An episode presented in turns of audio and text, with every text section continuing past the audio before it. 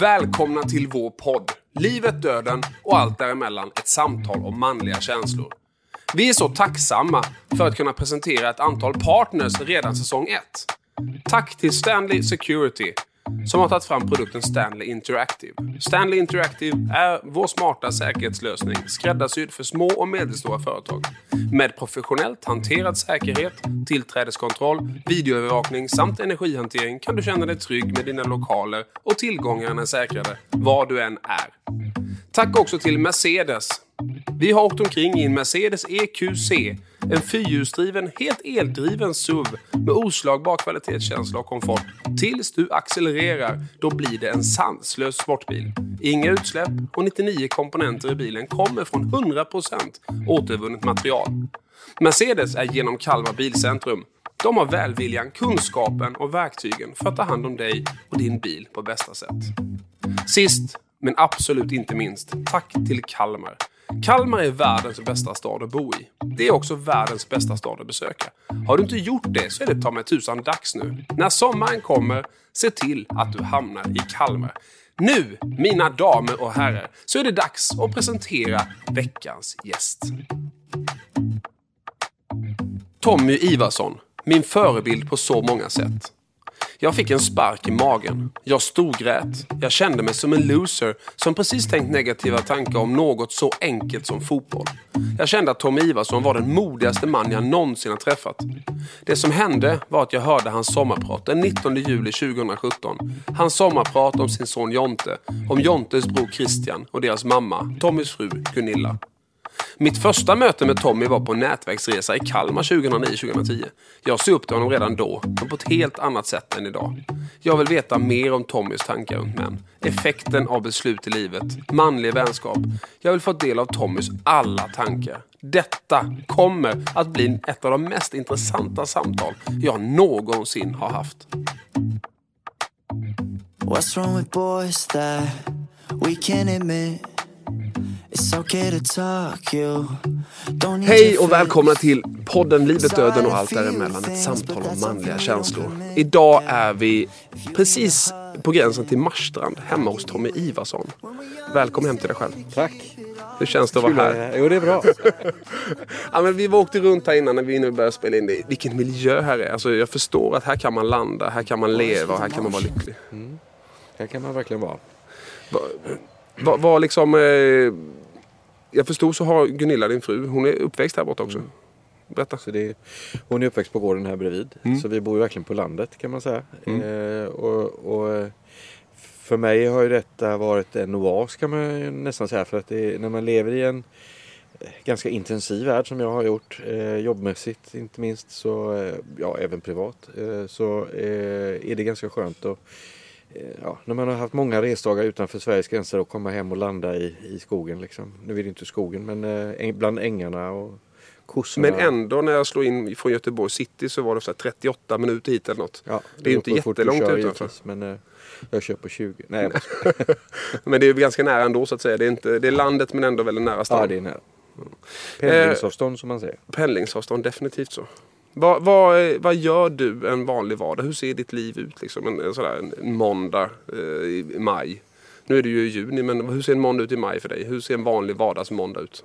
Ja, jag, jag vet inte om man kan definiera det för att eh, jag tycker inte någon måndag är lik den andra för att det händer ju massa saker. Jag driver ju lite bolag och jag eh, har, vi har ju också en stiftelse som, som vi driver så att, eh, med sex anställda. Så det, det, det händer rätt mycket. Så är ganska, en vanlig coronafri dag så är den eh, oftast ganska lång. Eh, jag har blivit mycket bättre på att eh, försöka disponera dagarna lite mer lugnt. Det vill säga att jag kan vara intensiv vissa dagar eller vissa timmar och sen försöka liksom dämpa mig lite. Så att jag får lite tid för reflektion. De bolagen du har, vad gör de? Eh, jag har ju ett konsultbolag som jobbar med eh, tillväxtbolag för ägarledda bolag.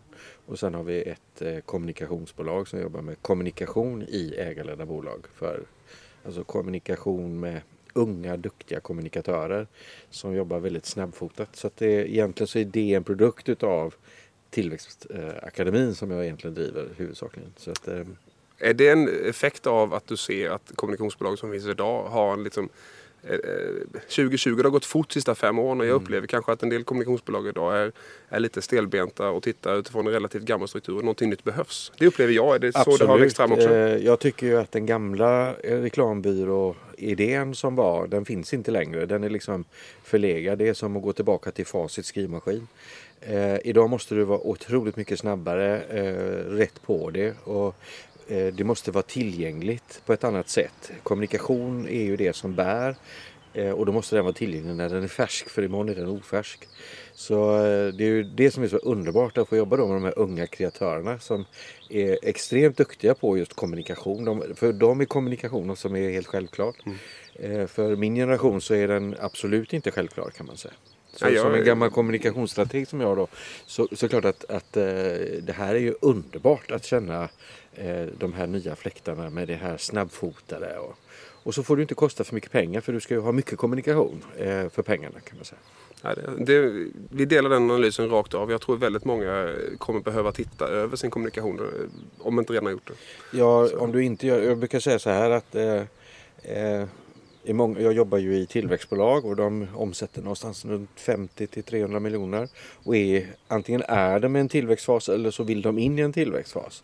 Och, och så börjar man titta eh, hur ser organisationen ut och i, i flera av de bolag som jag har varit inne i som där, där tillväxten har avstannat så beror det på att man har en traditionell säljorganisation. Ta bort den liksom. Eh, ersätt den med duktiga kommunikatörer. För vem, vem 17 har tid att, att ta emot en säljare idag? Jag vet inte eh, något bolag egentligen som gör det. Alltså det är klart att vi behöver vara personliga. Vi behöver sälja på ett annat sätt. Men den klassiska väskdängarprofilen den finns ju inte längre. Finns i vissa branscher, dagligvaruhandeln finns. Men det är samma sak där när jag pratar med eh, handlarna i, på Citygross till exempel som jag känner väl. Så, så, så säger de förr så kunde vi ju ha säljare på rad som stod och, och skulle prata med oss. Men vi har ju inte tid att ta emot dem. Nej, det är väldigt spännande. 2020, 2019, 2021 och framåt. Det händer mycket mer per Mycket. halvår än vad det gjort tidigare kan man konstatera. Eller per månad kanske. Ehm, ni som följer podden eh, vet ju mycket väl om vad no-knappen är för något. Du har en no, en out. Om du vill så är den i mitten. Och den får du bara använda en gång. Eh, Bara en gång? En gång. Inte två gånger, utan en gång. Jag är ju ingen nej-sägare så jag, tror, jag har svårt att tro att jag kommer att trycka på den. Men eh, utmana mig så kanske. Hur gammal är du Tommy? Oj, vilken fråga. Jag bara tänkte, jag, jag, jag vågar direkt utmana. Jag brukar testa. 52 är jag faktiskt. Det det jä- känns jättejobbigt att säga det men... eh, Det blev ingen no-knapp i alla fall. Nej. Vad roligt. Jag var tvungen att testa. Vi brukar också i podden definiera, där jag försöker definiera en superkraft. För jag har bedömt att de vi intervjuar i den här podden har superkrafter. Jag tror alla delar. I någon form så har man en förmåga att se en roadmap tidigare än de flesta andra. Och har en utmaning att pedagogiskt förklara den för andra. För att få med sig folk på den resan. Eh, och man är också, ofta ganska ödmjuk. Och jag har försökt definiera din superkraft. Och det här är alltid lite fjäsk. Men det är också så jag känner genuint. Så att du får tolka det och en del blir lite sådär smickrade och en del tänker vad sa han nu? Får se hur du reagerar. Eh, Tom Ivarssons superkraft. Genom total öppenhet på alla plan ger du möjlighet för andra att öppna sig lite grann. Du har fått en kraft som gör andra trygg. Du har dessutom en exceptionellt kreativ och konstruktiv entreprenörshjärna. Det var väldigt smickrande. Mm.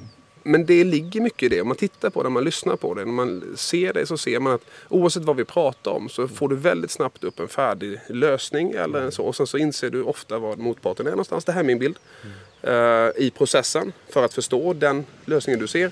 Och sen försöker du landa in där den är och sen därifrån ta emot en målbild som du och den personen kanske anser man vill i riktningen. Liksom. Kan, du, kan du se det så när du tittar på dig själv? Ja, alltså det är ju väldigt svårt att säga eh, sånt här om sig själv.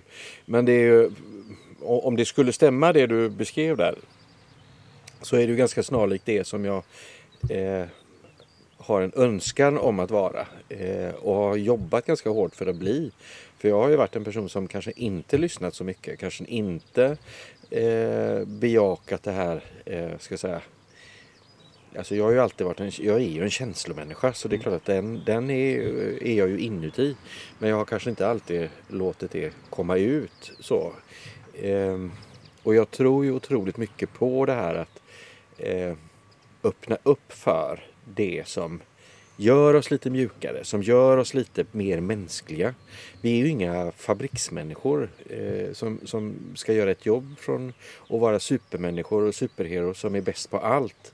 Även om jag vill gärna tro att jag är det, vilket jag numera kanske förstår att jag inte är då. Är det sant? Vad sa du? Är det sant? Ja, det är sant. Nej, men, Ja, Nej, men alltså, är du med på vad jag Ja, jag menar? Vi, vi, vi får i oss att vi... Eh, alltså, väldigt tidigt så vet jag att jag tänkte när jag eh, hade mina tidiga jobb att, att jag fick aldrig säga det jag inte var bra på. Utan jag skulle alltid liksom ge sken av att jag var bra på det. Eh, det är klart att det syntes ju att jag inte var bra på det. Mm.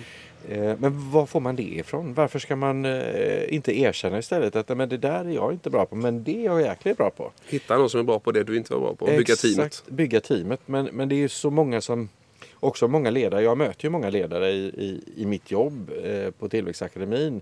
Eh, ägare, ledare så, som de, väg, de vill liksom inte vara en vanlig människa. Utan de tror att de ska vara någon sorts chef som har, någon, har koll på allt och kan allt och vara bäst på allt. Och, Problemet är bara att om, om du är det, om du tror det om dig själv så släpper du inte fram någon annan. Du är ingen annan som vågar ta steget. Och därmed så är du fast i ett moment 22. Du kommer aldrig, aldrig ur det. Vi kommer komma tillbaks till eh, liksom, dig som företagare och din karriär sen. Tänker jag. För du har en av topp tre som ni som följer podden vet. Vi har topp tre och botten två i livet. Så vi följer liksom eh, samma trådar. Och en av, av eh, topp tre blir att bli företagare har du där som en punkt. Som du har angett själv. Så jag tänker vi, vi landar in där sen. Vi har liksom kittlat lite och sen landar vi in där sen. Men en av topp tre som du har, har med här. Det är att eh, bli sommarpratare. Eh, och jag, det, jag tänker vi går in där. För det är liksom det var första gången som eh, vi träffades tidigare än så. Men, men det sommarpratet som du eh, gjorde eh, i juli 2017 blev ju oerhört liksom, enormt uppskattat av enormt mycket människor. Eh, men att bli sommarpratare som topp tre, varför har du angett det? Ja, för att förstå det så tror jag man måste backa bandet lite. När jag var liten så jag, jag vet inte varför men eh, det där med sommarprat var något som var viktigt för mig när jag var liten, alltså ung. Jag vet att när vi åkte på semestrar och kampade, det är på den tiden man åkte runt och kampade. Ehm, så, eh, och vi satt trångt i bilen utan säkerhetsbälte och hela bilen var bäddad, ni vet, baksätet var bäddat med kuddar och så vi var ju tre syskon då, så låg vi där då, som ormgrop. Det här med säkerhet och sånt, det fanns ju inte då. Då vet jag att vi lyssnade på sommarprat eh, när vi åkte i bilen i Norge eller åkte i, i, i norra Sverige. Så. Och hur som helst så, så eh, någonstans så kom det en dröm. Jag har alltid drivits av drömmar. Jag är liksom, eh, min pappa har alltid sagt det. Drömmar blir du inte rik på Tommy. Det är mat på bordet som gäller. Punkt slut. Sluta dröm. Och, och jag någonstans kunde aldrig acceptera den. Eh, så därför kanske det var så att vi inte riktigt kom överens heller under uppväxtåren. För jag, jag var lite mer den här fria och han mer den här boxiga människan. Eh, Jag lägger ingen värdering i det. Eh, Eller det kanske jag gjorde precis. Det är väldigt tydligt. Så hade jag i alla fall en dröm eh, om att om jag får sommarprata en gång, då kommer jag ju vara någon. Då har jag ju gjort något som gör att, att jag har liksom fått möjligheten att, att berätta min resa. Eh, och då trodde jag ju i min enfald att det skulle handla om karriär, vad det nu kan vara. Eh, att det var det som skulle få mig att bli sommarpratare. Men det var en dröm jag hade väldigt tidigt. Så när den väl, när det, när den uppfylldes så, så blev det liksom nästan så här eh, Ja, väldigt konstig känsla i kroppen. Vad hände nu och hur gick det här till? Eh, Sen är det klart att, att jag hade hellre haft en annan anledning att prata eh, i radio eh, på primetime eh, en julidag 2017.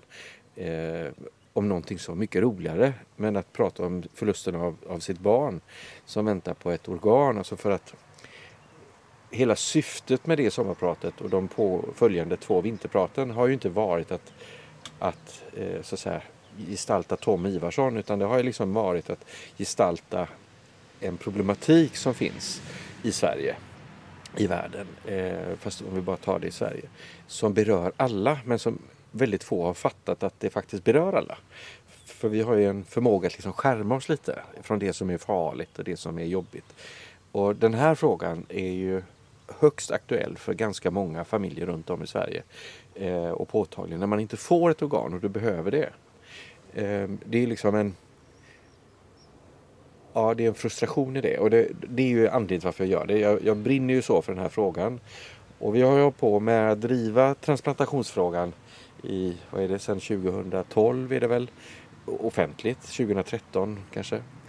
Eh, och på de åren så har ju liksom hela den här frågan gått från att vara väldigt okänd och in, väldigt odiskuterad till att vara en köksbordsfråga och där den är uppe på, på, på den politiska agendan på ett sätt som inte ens fanns då. Nej, och, och hela, du sa förut att du, du har ju på med stiftelse också. Det är ju Jontefonden vi pratar om som skapades 2014 tror jag det var. Eh, men vi går tillbaka till sommarpratsdelen först bara. För vi kommer komma in på Jonte och Jontefonden. Men lyssnarnas val. Eh, du förbereder dig.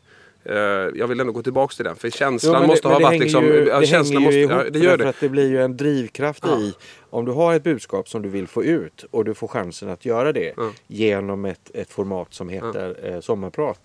Eh, så kan man ju säga att då, då, och du gör det inte utifrån att du ska liksom bygga någon form av eget varumärke utan du har en- ett helt annat syfte. Det finns en otrolig kraft i det.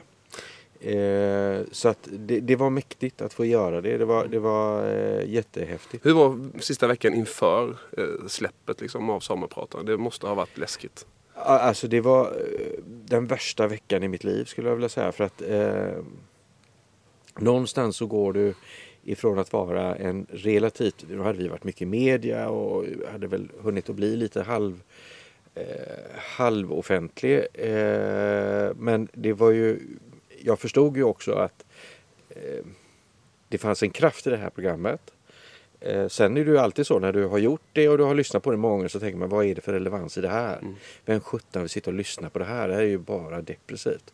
Eh, ingen kommer att vilja se det här. Och så ringer Sveriges Radio eh, två dagar innan och så säger de så här att eh, eh, nu måste du förbereda dig på att dels så kommer det att vara många som vill kommentera det här. Så du får liksom på något sätt tänka att du ska ha en strategi för hur du hanterar det.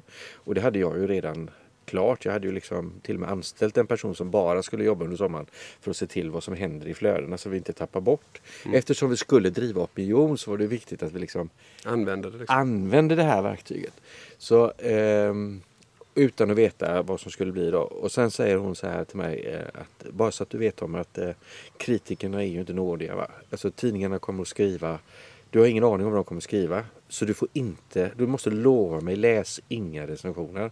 Därför de kommer att gå på svenskan, de kommer att gå på dina låtval och om storyn håller. Eller, de, de kan vara hur elaka som helst. Så du får absolut inte läsa. Och om du skulle råka höra så, så ta det inte personligt. Hon var jättetydlig på det här. Så jag, vet jag, Det blev inte lättare liksom. så det var verkligen så här riktig prestationsångest. Hur blev det då? Jo, jag ska då berätta att natten innan så satt jag eh, och lyssnade eh, på det här sommarpratet 20 gånger tror jag. Eh, bara för att få liksom vara mätt på det själv. Jag skulle liksom ehm, och det låter ju helt galet. Men det gick en flaska vin, kanske två. Och så tänker jag att nu, nu, nu imorgon så, så släpper de. För det skulle ju då släppas på morgonen klockan sju. Eh, så tänker jag, okej, okej, eh, nu förbereder jag mig genom att dricka vin och eh, bara lyssna, lyssna, lyssna, lyssna om och om igen. Så, så kan jag släppa det imorgon. Ja, så vaknar jag där på morgonen klockan halv sex och gått och lagt mig tre kanske. Och så eh, tänker jag shit, alltså jag, alltså jag var spyfärdig va? Mm. Riktigt spyfärdig. Eh, Och sen så släpptes det. Ja, och det är så häftigt för att då åker vi ut. Grejen är ju den, i sann Tommy-anda då så har jag ju bjudit in till en after sommarpratsparty i, trädgården. Ja. Eh, för typ ett par hundra pers. Eh, så det här var ju liksom en tältby. Här var, eh, vi hade bartendrar från eh, Post i Göteborg. Vi har byggt en utebar då också eh, inför det här för att fördriva tiden och släppa tanken. Eh, självklart gör man det. Eh, och sen så eh, säger jag till Gunilla då att nu åker vi ut på havet och så lyssnar vi på live. Alltså jag går nästan in i den här känslan nu för att det, det var så otroligt häftigt och eh, starkt och eh, jag vet inte vad jag ska säga. Det var, det var, det var väldigt stark känsla. Vi kommer i alla fall. Vi sladdar in med båten på våran favoritö. Eh, och där är det liksom som en bukt. Och när vi kommer dit så är det kanske det är ett fantastiskt väder. Så det ligger säkert 20-30 båtar där. Det brukar inte ligga så många. Och då, får, då lägger vi till på ett ställe som var enkelt att lägga till och så upp på bryggan, fram med champagnen och så. så jordgubbar och champagne kan ju vara bra nu när man liksom ska sommarprata. Och så kommer du vet det här fem minuter innan det ska sändas och man hör i radion så här, eh, lyssna på Tommy Och jag bara, oh, oh. Och du vet, då är trycket på mig enormt. Och så i alla fall så, så eh, drar det igång. Och efter en stund eh, vid första låten så säger det titta dig omkring. Vad händer då?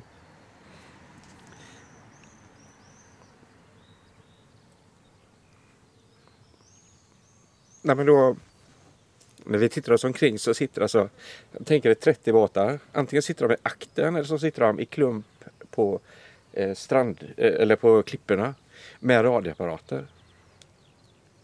Otroligt konstigt. Helt.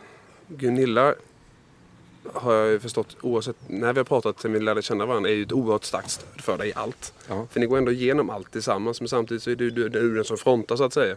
Men er, er kombination blir ju en, en trygghet i att faktiskt liksom fortsätta i det här. Hon, hon säger, tittar runt omkring där och sådär och, och är som den trygga parten i det på något sätt. Ja men det är klart att, att eh, vi har ju varit med om, eh, det här är ju en historia som vi berättar som är gemensam och, och även om det är jag som har rösten eh, som berättar den så är det klart att det är ju vår gemensamma historia. Och, och det jag berättar är ju förankrat eh, både hos Gunilla och Christian så det är ju ingenting jag gör själv utan vi gör det ju mycket tillsammans eh, när vi, antingen om det kan vara ja, de här praten eller om det är boken eller vad det kan vara. Eh, Jag fattar inte varför detta blir så himla Nej, men det, men det är någonstans, ja, det, vi, vi är ju hela tiden i, i kontexten. Det är ju ändå någonting vad det här samtalet handlar om. Vad handlar sammanpratarna om? Det, det är ju det som gör att det blir så känsligt tror jag. För, för Ja, det, är ändå, vi får inte glömma bort storyn bakom och sen så uppståndelsen innan och sådär. Och det togs ju enormt väl emot. Alltså det var ju... Alltså, Alltså, även om vi helt hade galet. förberett oss så kan jag säga att eh, och jag som kommunikatör eh, visste, eh, hade liksom en tydlig plan med hur det skulle bli och så. Det, det var ju ingenting av det som gällde. För att Ehm, det var ingen som kunde förutse att det skulle bli ett sånt enormt genomslag. Alltså det var ju tusentals mejl. Det var eh, alltså hur det här delades och och i sociala medier och hur, hur den här vågen bara sköljde över Sverige. Det blev ju liksom ett program som fick väldigt stor uppmärksamhet. Det var, eh, blev också rankat som det bästa. Alltså du vet, och helt konstigt eh, eh, med en sån historia. Ehm, och det är ju också det här, jag tror att, att i det samhälle som vi lever i så törstar vi lite efter de riktigt äkta berättelserna som, som berör, där vi väcks i Alltså även om vi inte lever i svåra situationer så, så gillar vi att lyssna på de riktiga berättelserna för att också sätta värde på det liv man har. Och jag hade liksom en målbild när jag skrev mitt sommarprat och det var män i typ mitt i livet som eh, helst inte har några utmaningar annat än jobb och karriär. Och, och jag ville liksom på något sätt adressera dem. Därför att eh, bara för att göra oss lite mer mänskliga. Vi är män men vi behöver fan inte vara macho bara för att vi är män. Och då handlar det om att försöka hitta en, en nyansering i så att man gör det här tillgängligt. Och då hade jag ju en fantastisk producent i Ola Hemström på Sveriges Radio så, som hjälpte mig med det att hitta liksom att det gäller att inte gå för djupt samtidigt som du får inte vara rädd för att gå djupt. Och, eh, du måste ha liksom någon form av, av dramaturgi. Genom total öppenhet på alla plan gör det möjligt för andra att öppna sig lite. Hade jag om dig i din superkraft. Jag tror det är det som gjorde att det blev som det blev. Ja, hoppas det. Alltså det och jag vet att du har analyserat det så också. Men, men någonstans är det där. Ska vi, ska vi ändå fortsätta då när vi ändå är här och, och sampratar? För en av botten två naturligtvis är ju att eh, du skrev så att förlora mitt barn, min bästa kompis, min soulmate. Eh, 2015. Eh, Jonathan blev Jonte med hela svenska folket egentligen i sommarpratet. Men Jontefonden skapades redan 2014. Eh, ta oss tillbaks till liksom, när Jonte blev sjuk från början. Vad, vad, vad hände egentligen? Hur, hur försök ändå sammanfatta liksom, för, för de som inte har hört historien. För det finns faktiskt ett antal generationer som kanske det är första Absolut. gången. Absolut. Eh, nej men alltså den, eh, det Jonathan föddes 2000 och eh, eh, då hade han eh, kan man säga eh, en grundproblematik i att, att eh, han hade en eh, en form av reumatism kan man säga i benen som gjorde att han inte började gå som andra barn. Han gick först när han var tre. Så att vi hade ju de första sex åren med honom eh, med ständiga undersökningar eftersom de inte visste vad det här berodde på. Eh, han hade lite ataxi, alltså svårt att, med motoriken. Men liksom en, en jävla glad, intelligent och, och härlig kille. Men just eh, problematik med, med att få ordning på kroppen liksom. Eh, så vi var ju på ständiga utredningar. Sen när han blev sex så eh, visade det sig då att, att eh, han har alltså en, ett, ett genfel kan man säga som, som gör att, att um, kroppen angriper sina egna organ. Och då hade det angripit eh, lungorna. Och det upptäcktes för sent vilket gjorde att, att lungorna, lungvävnaderna var döda på honom. Så att han hade extremt dålig kapacitet i lungorna. Dessutom så hade ju hjärtat då fått jobba så att han insjuknade ju väldigt hastigt eh, och håller på att stryka med helt enkelt 2006. Eh, och då låg han ju sju dygn i, i respirator och, och då visste vi inte om han skulle överleva. Och sen överlevde han det och då fick vi också reda på att, att långsiktigt så måste han ha nya lungor. Och då får vi ju reda på att de ska försöka hålla honom medicinskt i tio år tills dess att de kan göra den här lungtransplantationen.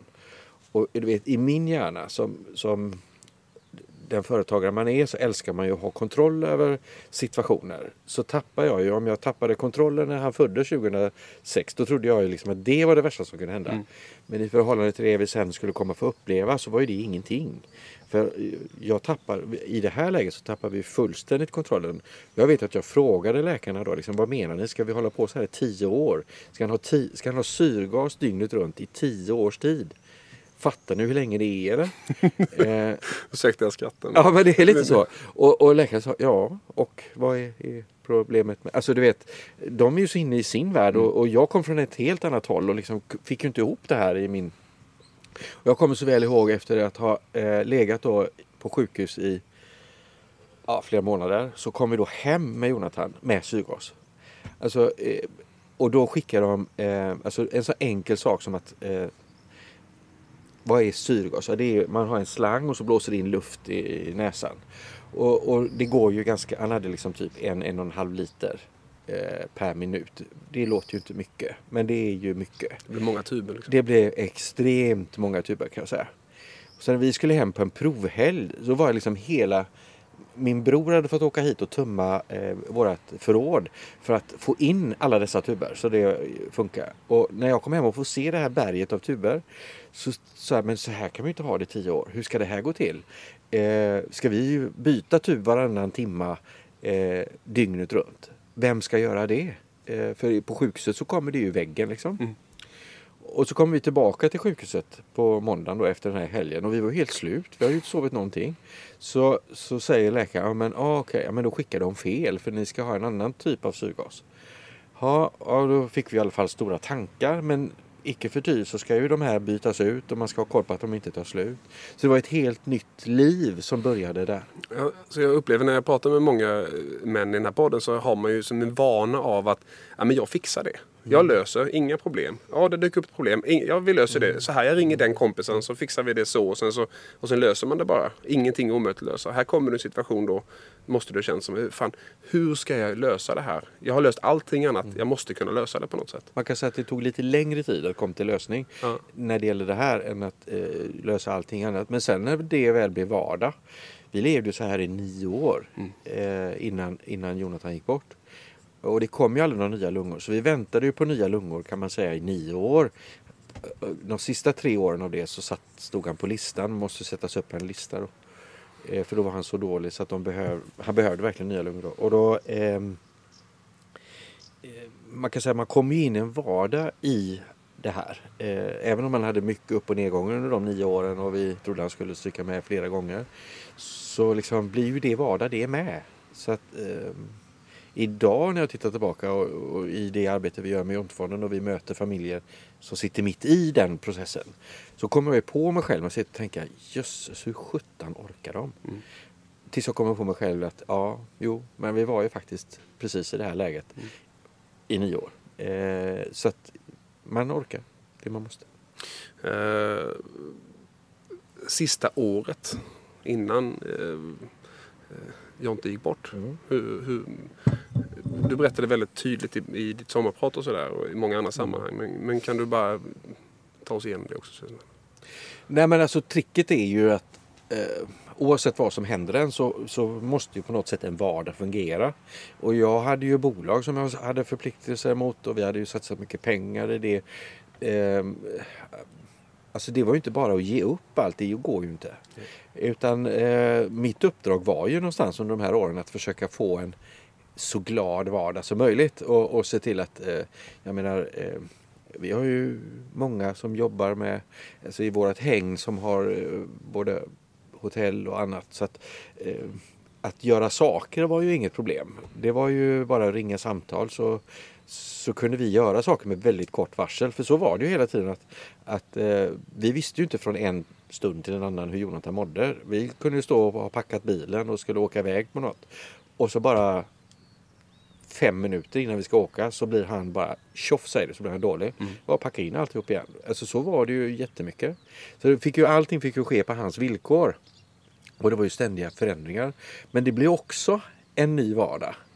Eh, och när vi kommer in i det sista året så, så kan man säga då jag levde ju med den känslan i kroppen hela tiden att det här kan gå riktigt galet. Eh, och det finns ju också, om man ska se det positiva i det, så är det ju att det skapar en medvetenhet. Det skapar en närvaro. Det skapar liksom en, en, en fokus på att ta vara på det du har. Vilket gör att varenda gång du, du sniffar i nacken eller varenda gång du liksom eh, gör något som du känner att det här är bra, det här är ytterligare ett minne att lägga i den här mm. konservburken så njuter du av det. Mm. Och, och det är ju skillnaden om du lever ett normalt liv och du gör en massa saker och det är massa kul och hit och dit. Om du lever som, som vi levde då så, så fångar du det. Du, du, du ser det, du märker det. Du, du, du är medveten om vad du gör. Eh, du låter inte bara det passera. Eh, utan idag kan jag säga att så som vi höll på eh, under de sista, de sista åren där med att konservera minnen. Det är jag ju jätteglad för idag för vi öppnar den här burken hela tiden. Och eh, Facebook är, kan många ha åsikter om men eh, det går ju inte knappt en dag utan att eh, det kommer upp minnen ifrån saker man har gjort för typ 7-8 år sedan. Eh, ja, 5, 6, 7, 8 år sedan. Eh, det är ju jättehäftigt att se det idag. Eh, så bara därför är det värt att ha Facebook. En av topp tre mm. eh, skrev du att bli pappa första gången. Mm. Eh, och då var det ju då Jontes storbror Christian mm. som, som eh, kom till världen. Eh, tre år äldre än Jonte tror jag var. Eller Jonathan. Ja. Eller är menar jag. Om vi lyssnar på vad som har hänt mellan 2006 och 2015 så inser man att det är stor påverkan på livet så att säga. Mm. Naturligtvis. Hur har, hur har Christian eh, tagit det här de här åren som, som storbror till i familjen så att säga. När så mycket fokus ändå naturligtvis läggs på det sjuka mm. barnet. Det är en svår fråga, en tuff fråga. Men jag vill ändå ställa den. Ja, alltså om man tänker, om jag bara får börja i den änden mm. att, att, äh, att sätta upp det som en toppgrej. Eh, det är ju väldigt politiskt korrekt att säga att när man får barn så är ju det topp. Eh, om du hade ställt den här frågan till mig för, eh, ja, alltså säg 20, början på 2000-talet så hade jag kanske inte sagt att det var topp tre utan då hade det funnits andra saker som hade varit mer ytliga. Eh, idag när du ställer frågan till mig så är det klart att, att jag, ställer, jag svarar ju på det utifrån där jag står idag. Mm. Och att sätta upp, att få barn eh, idag med, det, med livet som erfarenhet så är det klart att det blir en annan, ett annat djup i det svaret kan man ju säga då. Mm. Eh, för meningen med livet är ju barn och meningen med livet är ju att de ska överleva dig själv. Så det är klart att, att eh, Christian för mig idag som det barn som, har, som eh, finns kvar kan man säga betyder ju otroligt mycket. Alltså det går ju inte ens att säga, beskriva hur mycket, det är, hur mycket han betyder. För att det är ju ja, också eh, med den dimensionen att hade Jonathan inte varit sjuk, hade han inte dött så hade jag ju inte heller sagt att Christian just... Förstår du vad jag menar? Det, det är ju, man kommer till insikter eh, och en mognad tror jag Gunilla skulle säga i mitt fall. Säg inte att jag har sagt det va? Jag lovar. Och ingen kommer att höra det heller. Nej, precis. nej. Ehm, den mognaden är jag ju också otroligt tacksam för att jag har kommit till. För att det, det blir också det som jag pratade om förut med närvaro och medvetenhet. Nu har vi precis passerat midsommarhelgen. Eh, Christian bor ju med sin flickvän Julia i, i Karlstad så de har varit hemma nu i fyra, fem dagar. Eh, alltså, när de kommer hem hit så är vi ju helt fokuserade på dem och närvarande i det. Och, och det, är, det är också någonting som, man, som jag inte skulle ha gjort om inte livet hade varit så som det har varit. Så det, jag uppskattar det verkligen. Häftigt. Och jag uppskattar att du drog den liksom, eh, sidospåret i, i sammanhanget. För det är, jag tror det är många som behöver reflektera och samtala med andra om det här. För det blir någonstans, eh, vi märker det i så många av de här poddarna som vi spelar in. Att samtalet och reflektion, ju längre man kommer i livet och med erfarenheter, gör att man faktiskt blir lyckligare här och nu och uppskattar det som finns på ett helt annat sätt än vad man hade gjort i början på livet. Eller om man inte hade haft någon motgång på vägen. Men jag vill ändå någonstans eh, hur pratar du och Christian, om vi vänder det så istället, hur pratar du och Christian idag om de här eh, nio åren som, som ändå dygnet runt med syrgas och, och eh, den utmaning som var då? Ja, Christian är ju, eh, jag tror att man kan säga att alla de här barnen som står vid sidan, svårt sjuka syskon, är ju eh, personer som mognar tidigt. De får ta väldigt stort ansvar. De tar eh, oproportionerligt stort ansvar för eh, saker som man inte borde ta ansvar för när man är eh, liten och i uppväxten. Eh, och då ska jag ta ett exempel på vad Christian själv sa. Eh, det tog ganska lång tid för Christian att prata om det som har hänt. Eh, jag skulle vilja säga att det, Jonathan dog 2015. Det gick nog ända till 2000, eh, slutet 2018 någonstans där. Då började vi prata om det. Och det är självklart också mycket tack vare att Christian har hittat Julia som är Eh, duktig på att liksom prata känslor med honom och så här. Och fått honom att öppna sig. Eh, men då så pratade vi för första gången om vad han, hur han upplevde den här tiden. Och det var ju just det här att han tyckte det var jobbigt, han var mycket ensam. Vi var ju mycket borta hemifrån. Eh, och det är klart att som 13, 14, 15-åring att, att inte ha mamma och pappa närvarande. Jag jobbade ju också mycket på den tiden. Eh, och Gunilla var mycket på sjukhus och Jonathan var inlagd i långa perioder. Så. Och, det är klart att det sätter sina spår. Sen är han... Eh, eh, man, blir, eh, han, man märker på honom att han är ödmjuk. Han är ju oerhört noga med eh, vår relation, min och eh, Gunilla. Han stämmer ju av den hela tiden. Och periodvis så är ju den vardagen också väldigt ansträngd. Eh, därför vi är båda känslomänniskor och, och vi är båda liksom ganska hårda, eller vad ska man säga? Vi har mm, periodvis ganska hård ton eh, explosiva bägge två. Så det är klart att när, när vi levde under den här, den här ganska pressade situationen så, så blev ju det, eh, ja det blev eh, många gånger ganska tufft eh, i, i vår relation och, och det är klart att det märkte ju barnen ju självklart. Och då i alla fall när vi sitter och pratar om det här första gången jag och Christian på riktigt eh, då så frågar jag honom vad, vad, hur han upplevde det här, den här situationen när Jonathan eh, gick bort. Eh, och då ska man ha klart för sig att eh, åren som var då, när det var upp och nedgångar, så var det många gånger som jag fick uppgiften att förbereda honom på att nu kan det gå galet. Och han sa ju varje gång, du är helt dum i huvudet pappa, du kan inte hålla på och tro att han ska dö hela tiden för att eh, han kommer inte dö. Så han ville liksom inte acceptera hur allvarlig situationen var och det var ju ganska, kan man säga, det är ett sätt att förhålla sig till det svåra. Eh, och så kommer vi i alla fall till den dagen när Jonathan faktiskt håller på att dö. Och vi vet att nu kommer han dö.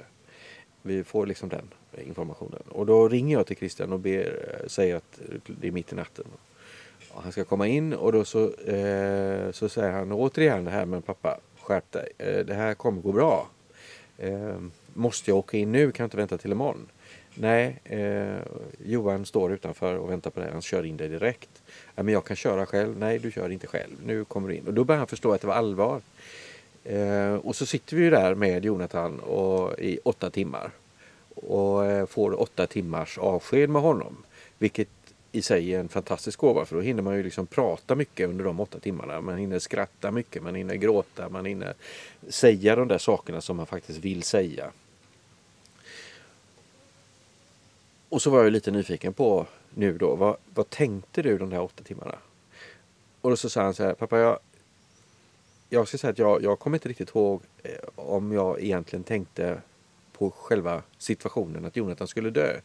Det enda jag kommer ihåg det var att det enda jag tänkte på det var vad ska jag göra nu för att inte mamma och pappa ska skilja sig när det här är över? Vad ska jag göra nu för att, att ta ansvar här? Um, och i den kontexten att jag orkar inte mista dem också nu. Ehm, och det är klart så att som pappa så då inser man i det så finns det också ganska mycket. Det är många tankar som ligger bakom under ganska lång tid.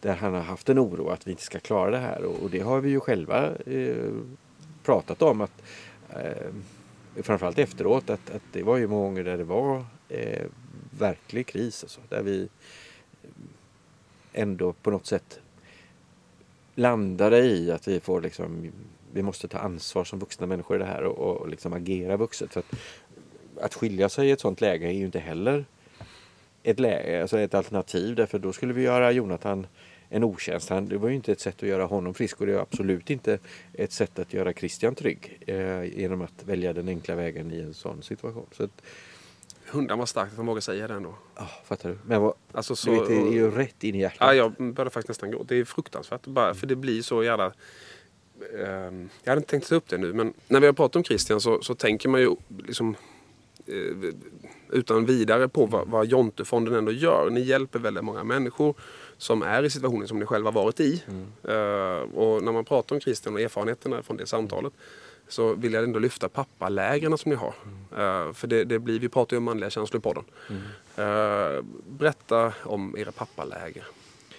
Ja, alltså om vi bara börjar i den änden så, så kan man säga att eh, vad vi har gjort med Jontefonden, stifte, alltså det är en insamlingsstiftelse, det är ju att vi gör saker som vi själva saknade när vi var drabbade under de nio åren. Och en av de sakerna är ju det här att vi, det, det finns inga, fanns inga forum för oss att prata, eh, uttrycka vad vi kände, rädslorna, skräcken, och jag mådde skitdåligt under de här åren därför att jag gick ju med en ständig rädsla för vad händer när Jonathan dör? Mm. Alltså varenda kväll som vi, som jag gick och la Jonathan, varenda gång som vi släckte lampan för att liksom, efter att ha läst bok, eh, så tänkte jag, undrar om han vaknar imorgon. I det här sista stunden jag har med honom. Alltså det gör ju någonting med människan när du lever i en sån situation. Och om du inte då kan prata om det med någon som verkligen förstår. Jag kan inte säga det till ens mina bästa vänner att jag hade den tanken. Vi pratar om att det är 3000 kvällar ungefär. Ja, alltså, alltså det, det, är helt galet. Eh, det präglar ju en väldigt. Mm. Så när vi skulle göra de här lägren då för, eh, så, så var vår idé att ja, vi gör läger. Från början tänkte vi kanske att vi skulle göra det med föräldrarna tillsammans. Men så kom vi på det att nej, vi har olika sätt att tackla det på. Om vi bara går till mig och Gunilla, alltså vi var ju extremt olika i hur vi eh, tacklade den här situationen. Och hur vi tänkte. Gunilla hade ju ett extremt fokus på att, att eh, lösa saker, projektleda saker. I hennes värld så fanns inte alternativet att det kunde gå galet. Och jag hade ju mer, du vet, den här Eh, tog ut allting i förskott. Jag tänkte tio år framåt i tiden. Försökte eh, hela tiden skaffa mig kontroll, kontroll, kontroll, kontroll på det som inte var gick att ha kontroll på. Men det var ett sätt att, att överleva för mig också. Och det, i, i det fanns ju tusen scenarier. Han kommer dö. Vad kommer jag göra då? Um, och allt detta tyckte jag ju, gick jag bar på som något knäppt. Jag är helt onaturlig. När Jonathan var jättedålig många gånger så, så tänkte jag så här om, om det här ändå kunde ta slut nu. Mm. Alltså om det här ändå fick ett slut så vi kan gå vidare i livet. För det här är ju ingen, det här är inget liv, varken för honom eller för oss. Och du vet, om nu pratar vi om den yttersta av alla skamkänslor. Det är att önska sitt barn död. Mm. Det är inte så att jag önskar att Jonathan dog. Men jag ville bort ifrån situationen. Och om, om, alltså lite grann det här temat att om det ändå ska sluta med döden så låt den komma fort Mm. så vi rycker plåstret liksom. Den känslan, du vet, nu pratar vi om förbjudna tankar. Ja, Eh, verkligen. Och vem ska man kunna delge det med? Vem? Ingen, skulle, ingen förstod det, så att jag skulle kunna förstå det. Så när vi kommer till första pappalägret så går jag ju in med den ansatsen att nu ska vi verkligen prata. Tänk dig nu att stäng in fyra stycken män, nej fyra stycken, förlåt. Stäng in åtta män i fyra dygn. Eh, och så ger du dem all tid och alla verktyg för att liksom börja öppna upp långsamt men säkert eh, öppna upp de här kokongerna. För det är ju så att här kom åtta pappor som levde i, mitt i, i den situation som vi hade levt i nio år. Och jag då som någon sorts värd i detta. Som hade fått en dimension på det, hade kunnat börja sätta ord på det, jag har processat mycket.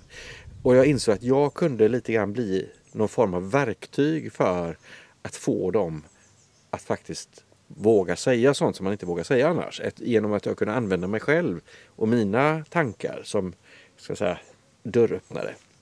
Om jag vågade visa mig svag så kunde vi kanske hitta nycklarna till dem.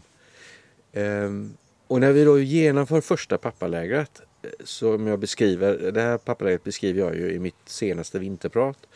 Jag lyssnade faktiskt inför idag på det faktiskt så sent som igår kväll och, och ehm, det var jättebra att göra det därför att jag kommer tillbaka till den där känslan för det kommer alltså åtta stycken livrädda män. Ja, det är ju helt Livrädda logiskt att de är pappor. det. Det är helt logiskt. Ja. Därför de fattar ju att de har ju själva valt att komma på detta. De vet att de under fyra dygn ska prata om känslor och prata om det de går och funderar på. Det kittlar ju att vilja göra det, men vad händer när jag gör det? Ehm, så de kommer livrädda, askgrå. En av männen hade liksom nästan ögonen hängde utanför. Alltså riktigt. Eh, och en kom alldeles finnig. Alltså, är ni med? Stress. press så in i bänken. Så under de här fyra dygnen så slussar vi igenom eh, de här pappornas känslor. Vi, alltså jag, vi slussar dem igenom sina egna känslor. Och ser då effekten av eh, att sitta i den här bastun. För bastu är väldigt bra. Här tittar man inte på varandra, här tittar man ut. Eh, och män pratar bäst när man tittar ut. Man kan gärna sitta bredvid varandra, inte i ögonen. Nej. Eh, Det här är faktiskt intressant. Jag Ja, lärde mig jätte- när Jonathan blev sjuk 2006 så sitter vi med en kurator. Christian är på en utflykt och jag ska åka till Christian och hämta honom. Vi visste inte om Jonathan skulle dö. Så han skulle liksom, eh, jag skulle eh, hämta honom när han kom tillbaka från det lägret. Alla lärare, rektor, allting visste. Alla visste vad som hade hänt. Han visste ingenting. Ehm, och eh, vi tar ändå det beslutet att han ska vara kvar på det där lägret. Tills att det är slut. Sen hämtar vi honom. Och jag ska åka och hämta honom. Då säger kuratorn till mig så här. Tänk bara Tommy på att, att det bästa stället att prata om detta. Att berätta denna grej. Att du har en bror som ligger för döden.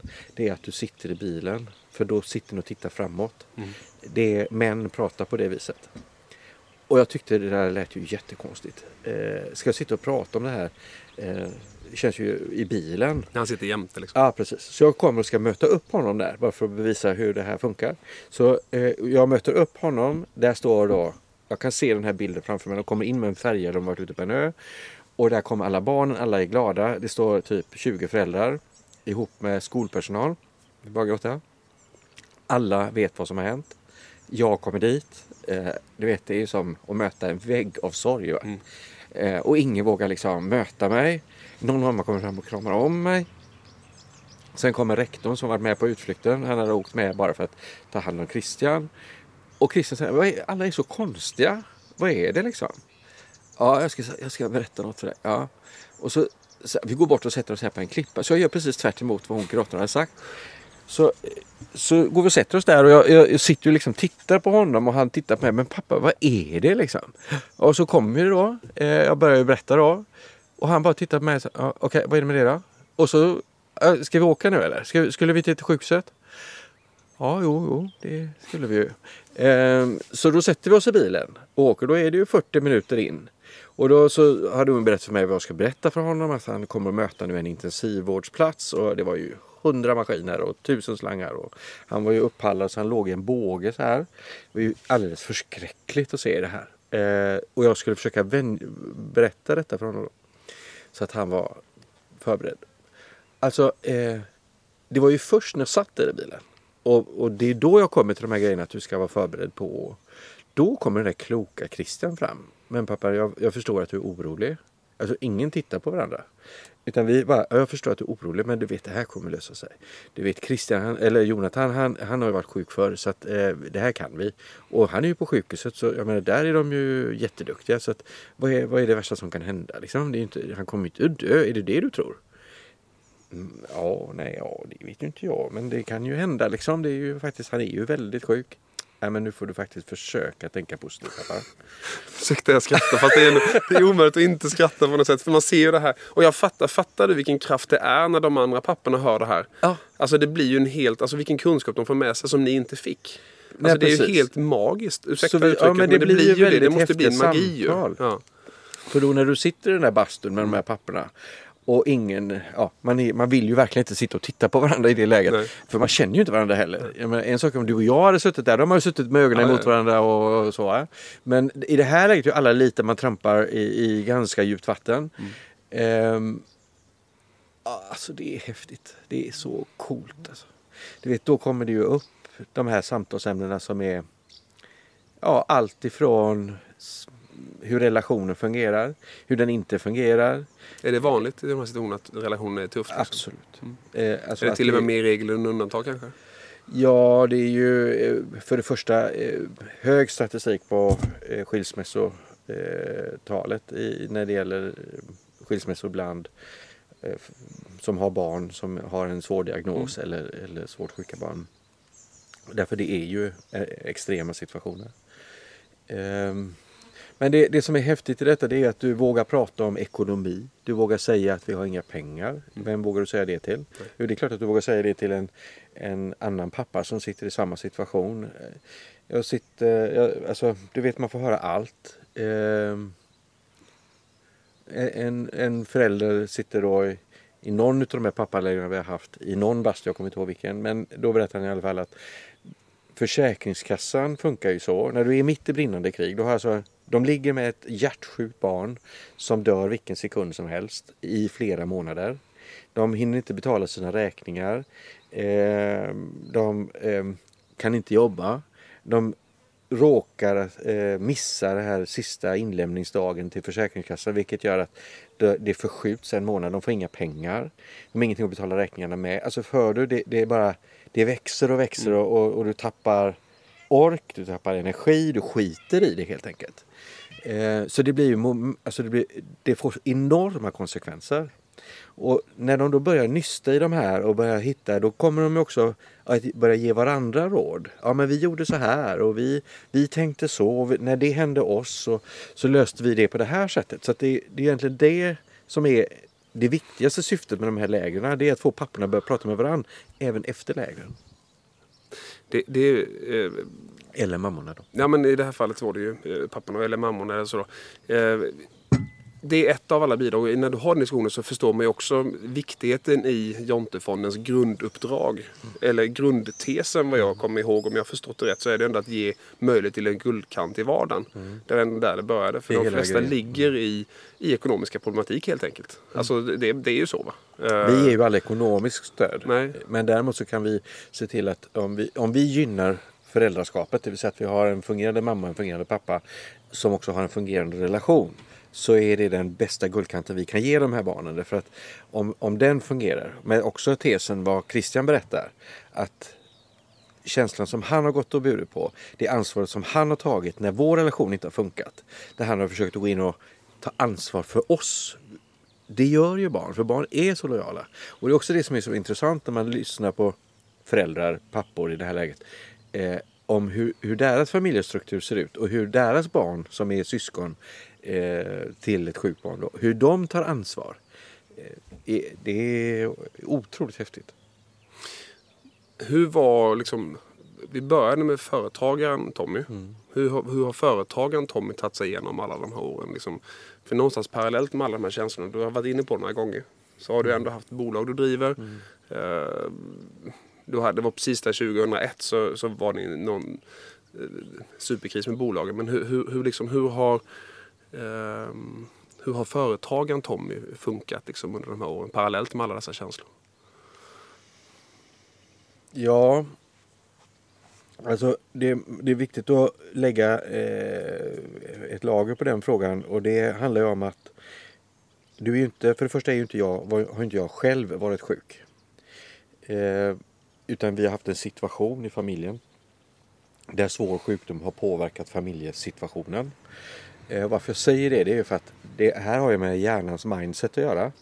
Eh, att det är svårt att förhålla sig till en situation där du inte känner att du har en egen begränsning. Det vill säga all den energi, allt det drivet som du har i dig, det finns ju kvar.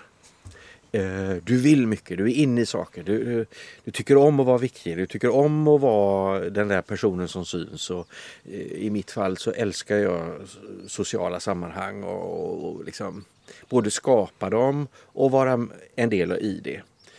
Ehm, och i en sån här situation så är du så... Du är, du är frisk själv och på något sätt så, så extraherar du de här egenheterna i dig själv. Så att jag har ju aldrig varit så social som under de här åren. Jag har ju aldrig drivit bolag så intensivt som jag har gjort under de här åren. Därför att för mig blir ju det ett sätt att dra allting till det normala. För det är ungefär som när du bränner dig. Eller om du, jag sitter med solglasögon. Eh, och det beror ju på att jag har tvättat fasaden. Eh, och det logiska tänket borde ju vara att om man tvättar fasaden med väldigt starka medel för att bli av med möglet. Det är någonting som gör att möglet rinner av. Och få in det i ögonen kan ju inte vara bra. Men att använda skyddsglasögon det gör ju att det går inte tillräckligt fort. Va?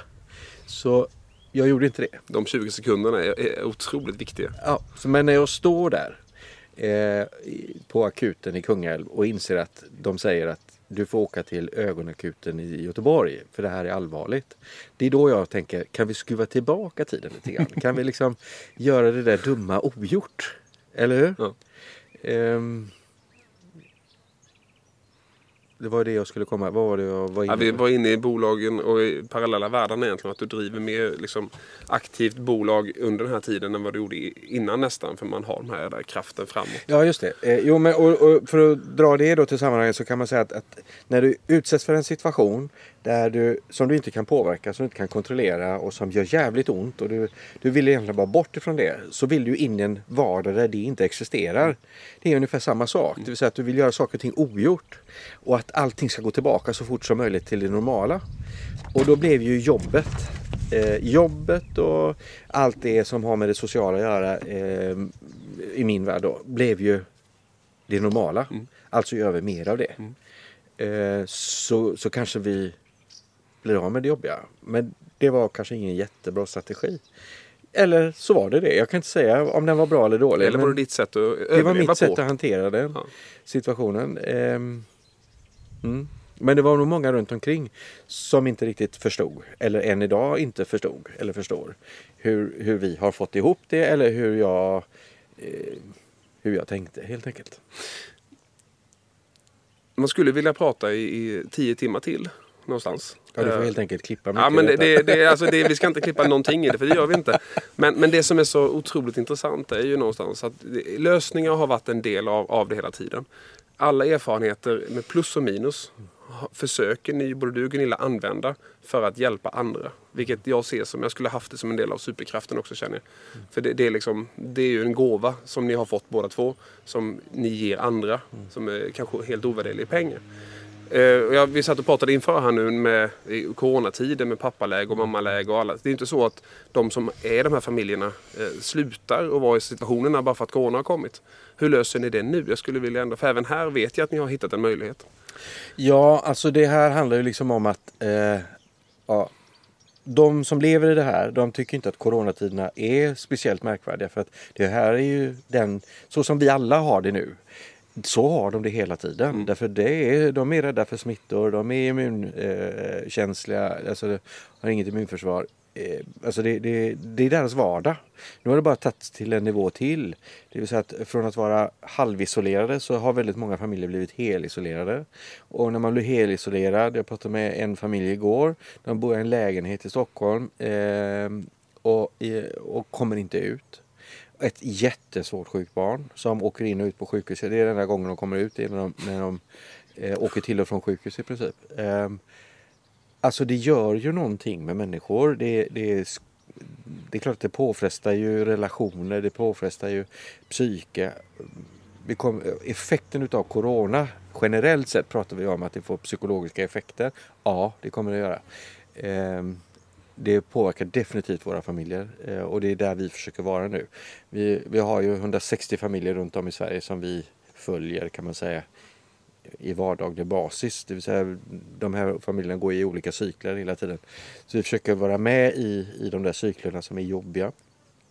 Så just nu tillsammans med Postkodstiftelsen och eh, Radiohjälpen så har vi startat ett projekt som handlar om att ringa runt till alla dessa familjer.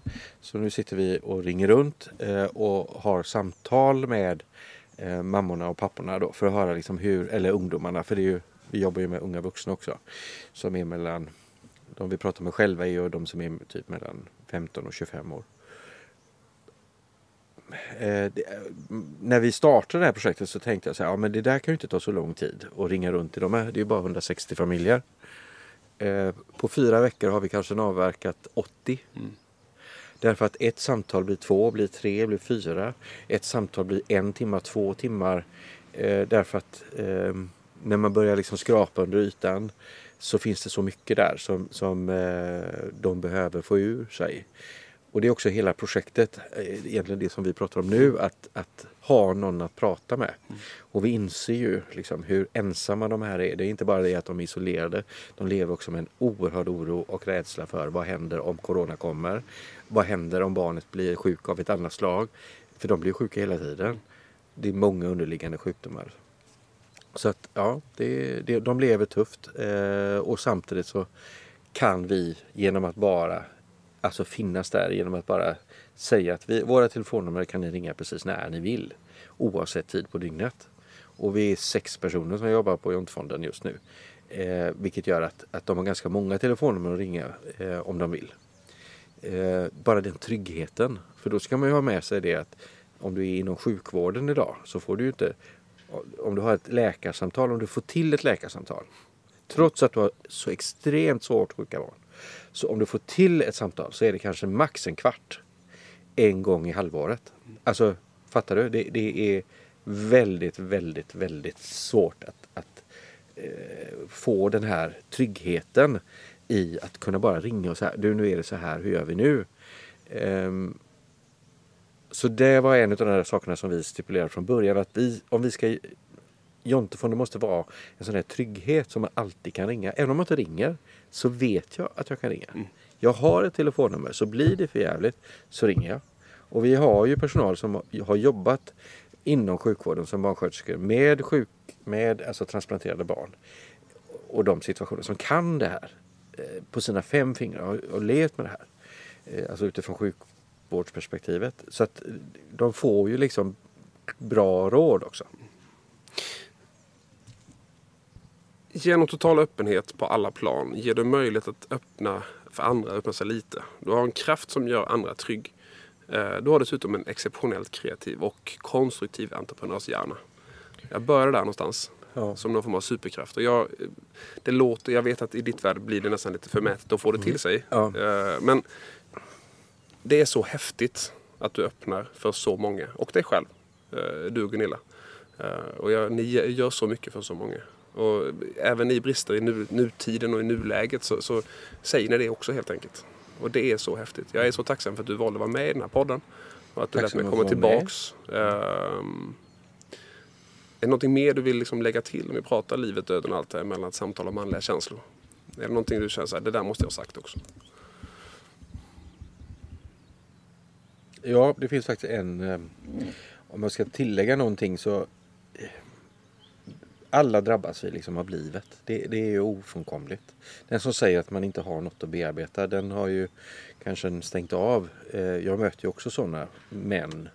Eh, är det oftast. Eh, oftast män 60 plus. Som faktiskt kan till och med säga att de har aldrig upplevt något som egentligen är det är ingen livskris eller så. Intressant tänker jag då. Mm. vad är det den personen har tryckt undan. Men oavsett så kan man säga att vi, vi drabbas ju alla av livet och, och vi, kan ha, vi kan skuldbelägga oss själva för de val vi gör.